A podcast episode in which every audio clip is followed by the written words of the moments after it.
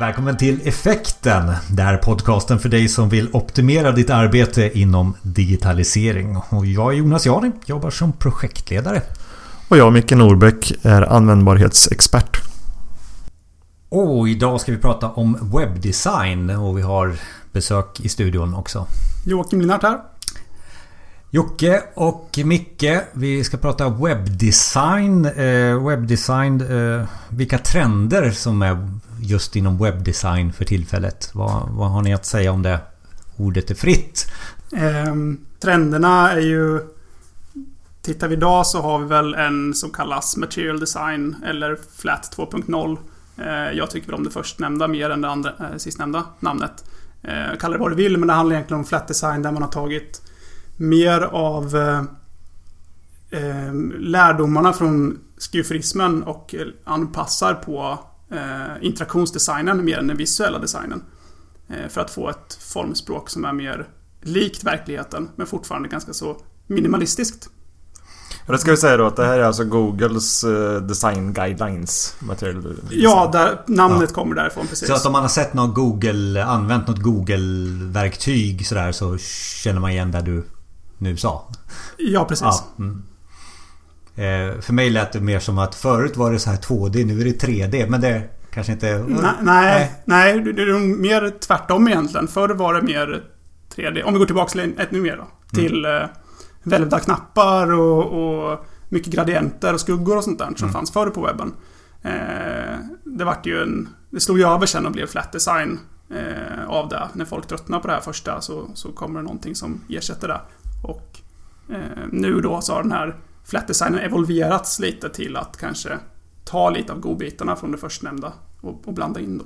Precis, för, för flat design i sig har ju funnits i tre år ungefär va? Ja, mm, det ska jag Så att det, det, är ju inte nytt, liksom den här platta.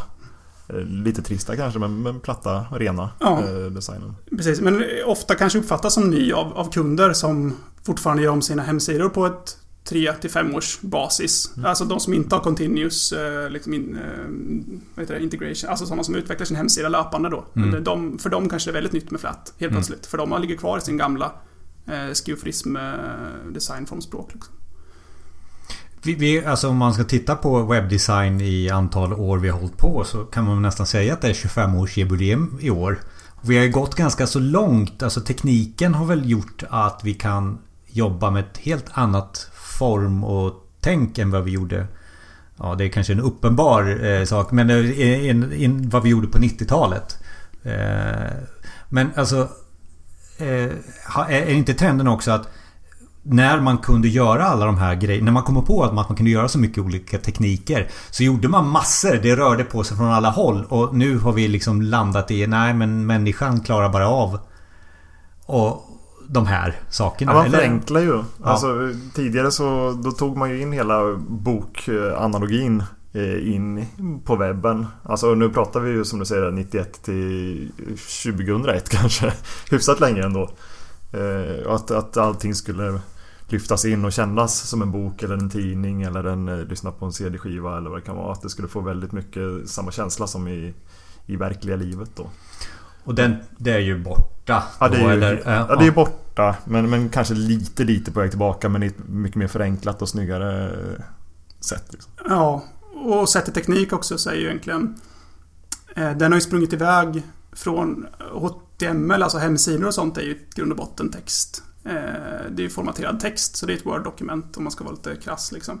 Eh, så skulle man uppfinna idag så tror jag inte man hade gjort det på samma sätt. För det, det är mycket av det vi vill försöka göra idag som är svårt att uppnå på grund av tekniken sätter begränsningarna. Har vi också eh, förut haft en ambition att det ska vara stort är bra. Stora skärmar och sen helt plötsligt fick vi de här små mobiltelefonerna i handen också. Har det påverkat trenderna i webbdesign? Ja, framförallt så har det väl påverkat på så sätt att det, det ska funka i båda lägena. Eh, så att det, det, ska funka stort och det ska vara schysst på en widescreen-skärm. För det är ju, vi har ju haft widescreens i ett antal år också. Liksom. Och då ska det se maffigt ut där. Men, men samma design ska funka i de här slimmade stående eh, skärmarna också. Då. Och eh, nu så Eftersom mobilanvändandet ökar mer och mer eh, ser man ju på alla trender. Alla visar pekar ju på det. och det är många som inte har en dator hemma, man kanske bara har en surfplatta. Eh, så designar man ju mer och mer för Mobile First, eller mobil, alltså mobila enheter först. Och det har ju fått en sån genomslag nu så att eh, eh, vissa saker de här spiller över på även på skärm, stora skärmar. Mm. Som till exempel med en trend nu som är mobil eh, mobilmeny eller en hamburgermeny som den kallas ibland, de här med tre streck som öppnar upp en, en liten sidogrej med, med menyn på. Att den även dyker upp i stora skärmar där man har plats för en riktig meny egentligen. Och det är för att få igenkänningsfaktor eller är det så att det, de, man är bekväm eller? Ja, det är nog både och, ja. ska jag säga. Ja. Det är ju, visst det är enkelt att ta den mobila menyn och bara slänga in den på webben också. Mm. Och särskilt nu när folk börjar känna igen det då. Men blir det inte oerhört tråkigt eh, att allting blir då centrerat till exempel på en stor skärm? Eh, och allting byggs upp i fyrkanter. På, ja, det, på alltså, boxigt har det ju ja. varit de senaste åren. Eh, och det kommer det nog fortsätta vara ett antal år till. Mm. Det är alltid fyrkanter som du säger och plattor som, eh, som innehåller information. En mm. bild, en rubrik, en text, en bild, en rubrik, en text. Jag kan uppleva att i vissa webbsajter när man går till dem så är det så här Okej okay, nu ska vi bygga upp fyrkanter här beroende på vart du kommer ifrån. Oj du kommer ifrån en skärm som är stor. Då bygger vi upp det på det här sättet. Och sen mm. går jag på mobiltelefonen då byggs det upp på samma sätt. Men mm. är, det, är det är det, är det så? Ja men så är det ju. Ja. ja. Är det så man tänker när man webbdesignar? Eh, I det... fyrkanter, i containrar och... Ja, ja, alltså precis. Det kommer ju tillbaka lite till tekniken där med HTML att egentligen... Nu kan vi ju ha runda saker också, tack och lov.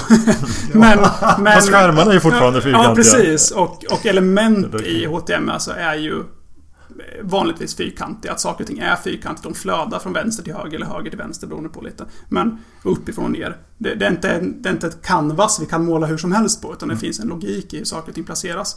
Och det där måste man ju ta höjd för nu. Och speciellt nu när det ska anpassas för alla skärmstorlekar.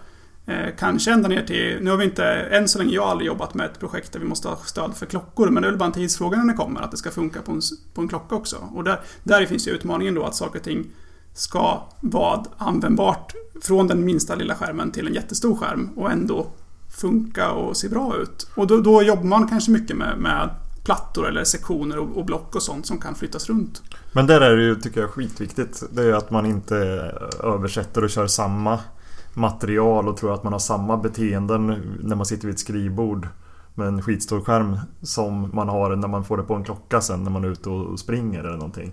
Utan det är helt olika situationer, det är olika ljusförhållanden.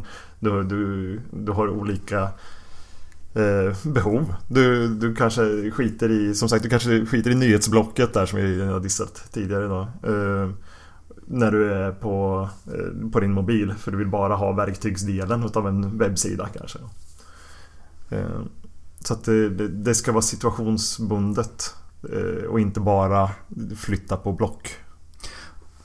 Där blir det ju också så att man kanske flyttar från design till att liksom drömma om användarens upplevelse utav den designen man designar. Eh, att man sätter sig in i användaren lite mer. Vad, vad behöver användaren? Och då kanske design man skalar av det som man initialt hade tänkt att ha i klocka. Ja, men det blev bara en röd knapp. Det var liksom det viktigaste. Starta och stoppa. Liksom. Men ambitionen var att ja, vi ska upp en meny här och sen helt plötsligt så ja, men det funkar inte på användaren. Eh, blir man eh, som designer då, ni två. Eh, blir man begränsad i det eller blir det bättre av användarens upplevelse? Blir designen bättre? Det är ju en utmaning som, som kräver tid. Det är väl egentligen det som är, är problemet. Det, det, kräver ju att man i princip pratar med användarna eh, i de olika situationerna vid de olika devicesen. Så att eh, jag, jag, jag, tror det bara, det är bara en, en tid och kostnadsfråga. Jag, jag tror att det är, det är, en kul utmaning annars. Och begränsningar brukar oftast, för mig i alla fall, funka... Alltså, man blir mer kreativ. Man måste lösa fler problem än om man skulle få helt fritt att göra vad man vill. Då skulle man bli väldigt eh, hämmad, tror jag. I alla fall ur mitt perspektiv. Jag tänker ur egen erfarenhet. Eh, Jocke, exempel på någonting som du har gjort om, eh, alltså webbdesignsmässigt. Har du något bra exempel på det här som vi har pratat om? Att ta någonting från något gammalt till nu gjorde jag något snyggare av det. designa någonting till det enklare. Det har varit rörigt förut på webben hos någon. Och sen har du gjort det enklare. Är det, är det mycket sådana projekt som är i webbdesign nu eller? Ja, jo det är det väl. Men där är vi inne och luktar lite på informationsdesign och struktur och, och sådana saker som eh, beror på om vi ska inkludera i hela webbdesigns-tänket. Eh, liksom. Eller om, vi, om det är mer en, en fråga om eh, informationsprioriteringar och, och behov och wireframingsdelen. Alltså, men absolut, det är en stor del av, eh, av det man gör idag. Det är det ju. och försöka få eh, kunden kanske att inse att allting inte har prio 1. Eh. Mm. Eh, Micke, jag vet att du har jobbat med företags intranät till exempel. Eh, det är ju konkret, alltså när vi står här och pratar så kanske man är lite uppe i, i moln och, och diskuterar hur det skulle vara i det allra bästa världar. Men ofta så kanske man sitter med något verktyg som gör någonting för, uh, ut på ett intranät. Kan man använda sig av de här trenderna på ett intranät också? Eller är det... Nej, det gick inte liksom. Jo men absolut. Det, det är ingen snack om det. Det är ju sällan man tar ett, eh, ett verktyg och, och, och använder det out of the box. Som man säger. Utan eh, det är nästan alltid så att man eh, lägger på en ny yta och gör anpassningar för att det ska funka. Och då ska det funka för verksamheten och det ska funka Det ska ju kännas modernt även där så att säga.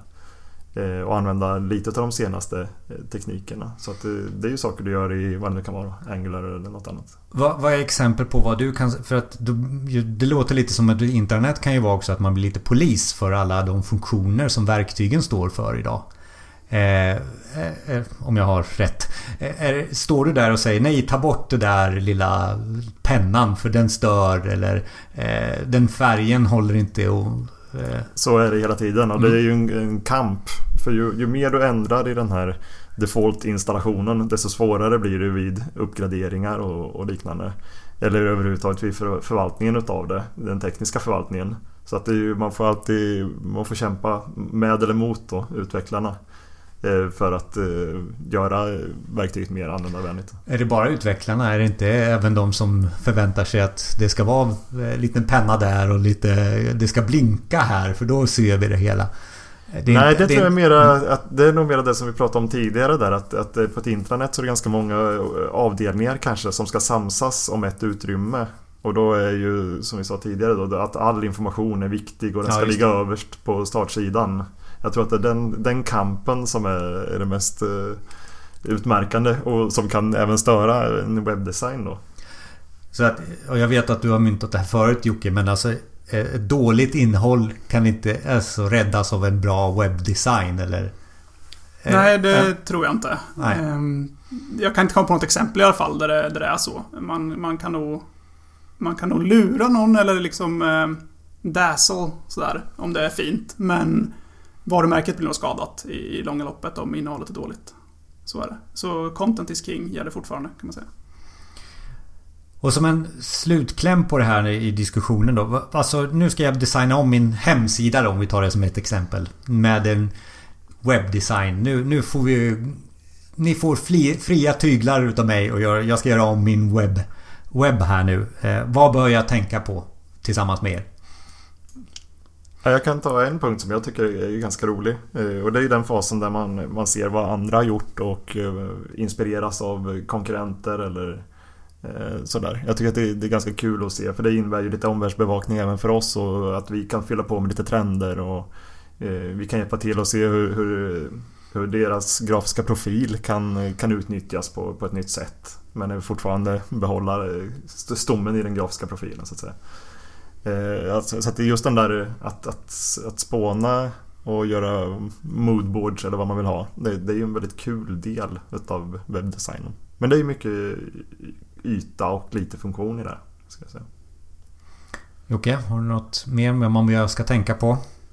Um, det är väl detaljerna som gör um, som gör helheten tror jag. Eh, just om man, om man tänker på visuell design och så. Um, så är Lägg, lägg tid och pengar och energi kanske. Det är lätt för mig att säga, men gör det på, på detaljerna. Alltså om det är någonting som tar tid att laddas in så lägg in en liten ladda-ikon som snurrar runt eller gör någonting roligt som underhåller användaren på något vis. förhöjer upplevelsen. Eh, gör inte bara att det är vitt eller liksom att det står loading... Punkt, punkt, punkt. Eh, Sådana små saker som eh, animationer när saker dyker upp kanske. Det ska inte överdrivas såklart, men det ska vara en behaglig upplevelse. Och, och alla de här små detaljerna kommer ge ett intryck som, som är mer professionellt tror jag och mer eh, eh modernt. Och det där gäller ju främst på externa webbar skulle jag säga. Med, Medan på eh, ett intranät då, som vi pratade om tidigare, så där, där är det mer av ett verktyg. Och det ska visserligen eh, vara behagligt att jobba med men, eh, men det behöver inte ha så mycket wow-faktor kanske. Vilka begrepp ni kör med. Wow-faktor och snappy och såna grejer. Det är kanske är sån lingo man måste ha när man eh, jobbar med webb. För att det är mycket känsla också i, i det här hur användaren ska känna det hela. Är det något ytterligare så här som en slutgrej som jag behöver tänka på när jag Eh, vi har pratat om att designa för flera skärmar, alltså så att det funkar i mobilen för det är säkert 80% som går in via mobilen, antar jag. Jag har ingen mm. statistik men eh, det känns så i alla fall. Jag, har, jag tycker att iterationer är det viktiga. Både iterationer under själva utvecklingsprocessen eh, och efter sen. Att man fortsätter släppa releaser. Att man inte tror att det är färdigt och så ska vi vänta fem år på den nästa webben. Nej, okay. För det, det, det, tror jag är ett vanligt misstag. Man kör en ganska tung investering nu innan eh, årsbokslut. Eh, trycker in en miljon här och så, och så har vi en eh, uppdaterad webb. Men, men, men jag tror att det är snarare att man ska vara beredd att släppa delar och, och liksom ta det i etapper. Definitivt, håller jag med där. Ehm, traditionella är ju som sagt att göra kanske var femte år eller var tredje år och då gör du ett stort projekt och sen slår du på stora trumman och sen upp, klipper du bandet och allt är öppet och klart. Ehm, men webben rör sig så snabbt idag så det, det, är liksom inte hållbart längre att göra så nästan. Utan Visst, du måste ha en, om du tar någon hemsida innan så måste du göra någon grundinvestering och göra en hemsida någon gång. Men när du väl har den, istället för att vänta fem år och investera två miljoner, investera 250 000 per år eller vad det nu blir. Eh, totalsumman blir densamma, men du får en hemsida som alltid känns fräsch eller bra uppdaterad. Istället för den är gammal hälften av tiden och sen blir den ny i några år liksom. Mm lite så här. Eh, tänk användaren, alltså om man ska dela upp det i tre delar. Eh, tänk användaren, gör om det hela. Men ha lite pengar kvar för att göra om kontinuerligt. Inte för att det var fel. För att det kräver egentligen en kontinuerlig förändring. Ja, alltså saker förfaller. Det, det låter konstigt men, men eh, en, en, en, webbdesign som är satt ett år den, den, blir inte bara omodern för att formspråket ändras eh, och trender ändras och så utan, utan även Även själva sidorna förfaller beroende på vad det är för redaktörer och det kommer in eh, folk som inte varit med i projektet från början och vet själva syftet med att det ligger en knapp just där eller vad det kan vara. Så att sidor bryts sakta ner liksom. Så att hela uppmaningen egentligen eh, utifrån vad är trenderna för webbdesign det är egentligen att ha för någon form av kontinuerlig webbdesign-uppdatering av eh, sitt material som man har. Om det är ett intranät eller om det är en webbsida. Ja, en aktiv eh, förvaltning skulle jag säga. Och det, är inte, det behöver inte vara vi som gör den. Utan det, det kan kunden själv så att säga ha inhouse. Men, eh, men någon, någon måste vara med och vårda och, och, och, vara med och hugga och komma med nya idéer och, och sådär. Så att det, ja. ja, och ur eh, visuellt perspektiv så skulle jag säga att som, som beställare så ska man nog välja en, en designer som har ett visuellt formspråk som tilltalar dig, som funkar för dig. Eh, så att du inte går in och, och detaljstyr, utan att designern får göra sitt jobb och sätta den formspråket som passar. För har du inte tilltro till den utan måste kontrollera allting så kommer det ta väldigt mycket tid och energi. Så i så fall funkar det inte. Det, är kanske är lite hårt men jag skulle nästan säga hellre byta ut designen då. Ta någon annan. Det får vara slutordet för dagen gällande webbdesign. Eh, jag är Jonas Jani. Micke Norbäck. Jocke Linnart. Allt material som är relevant till det här finns på effekten.se.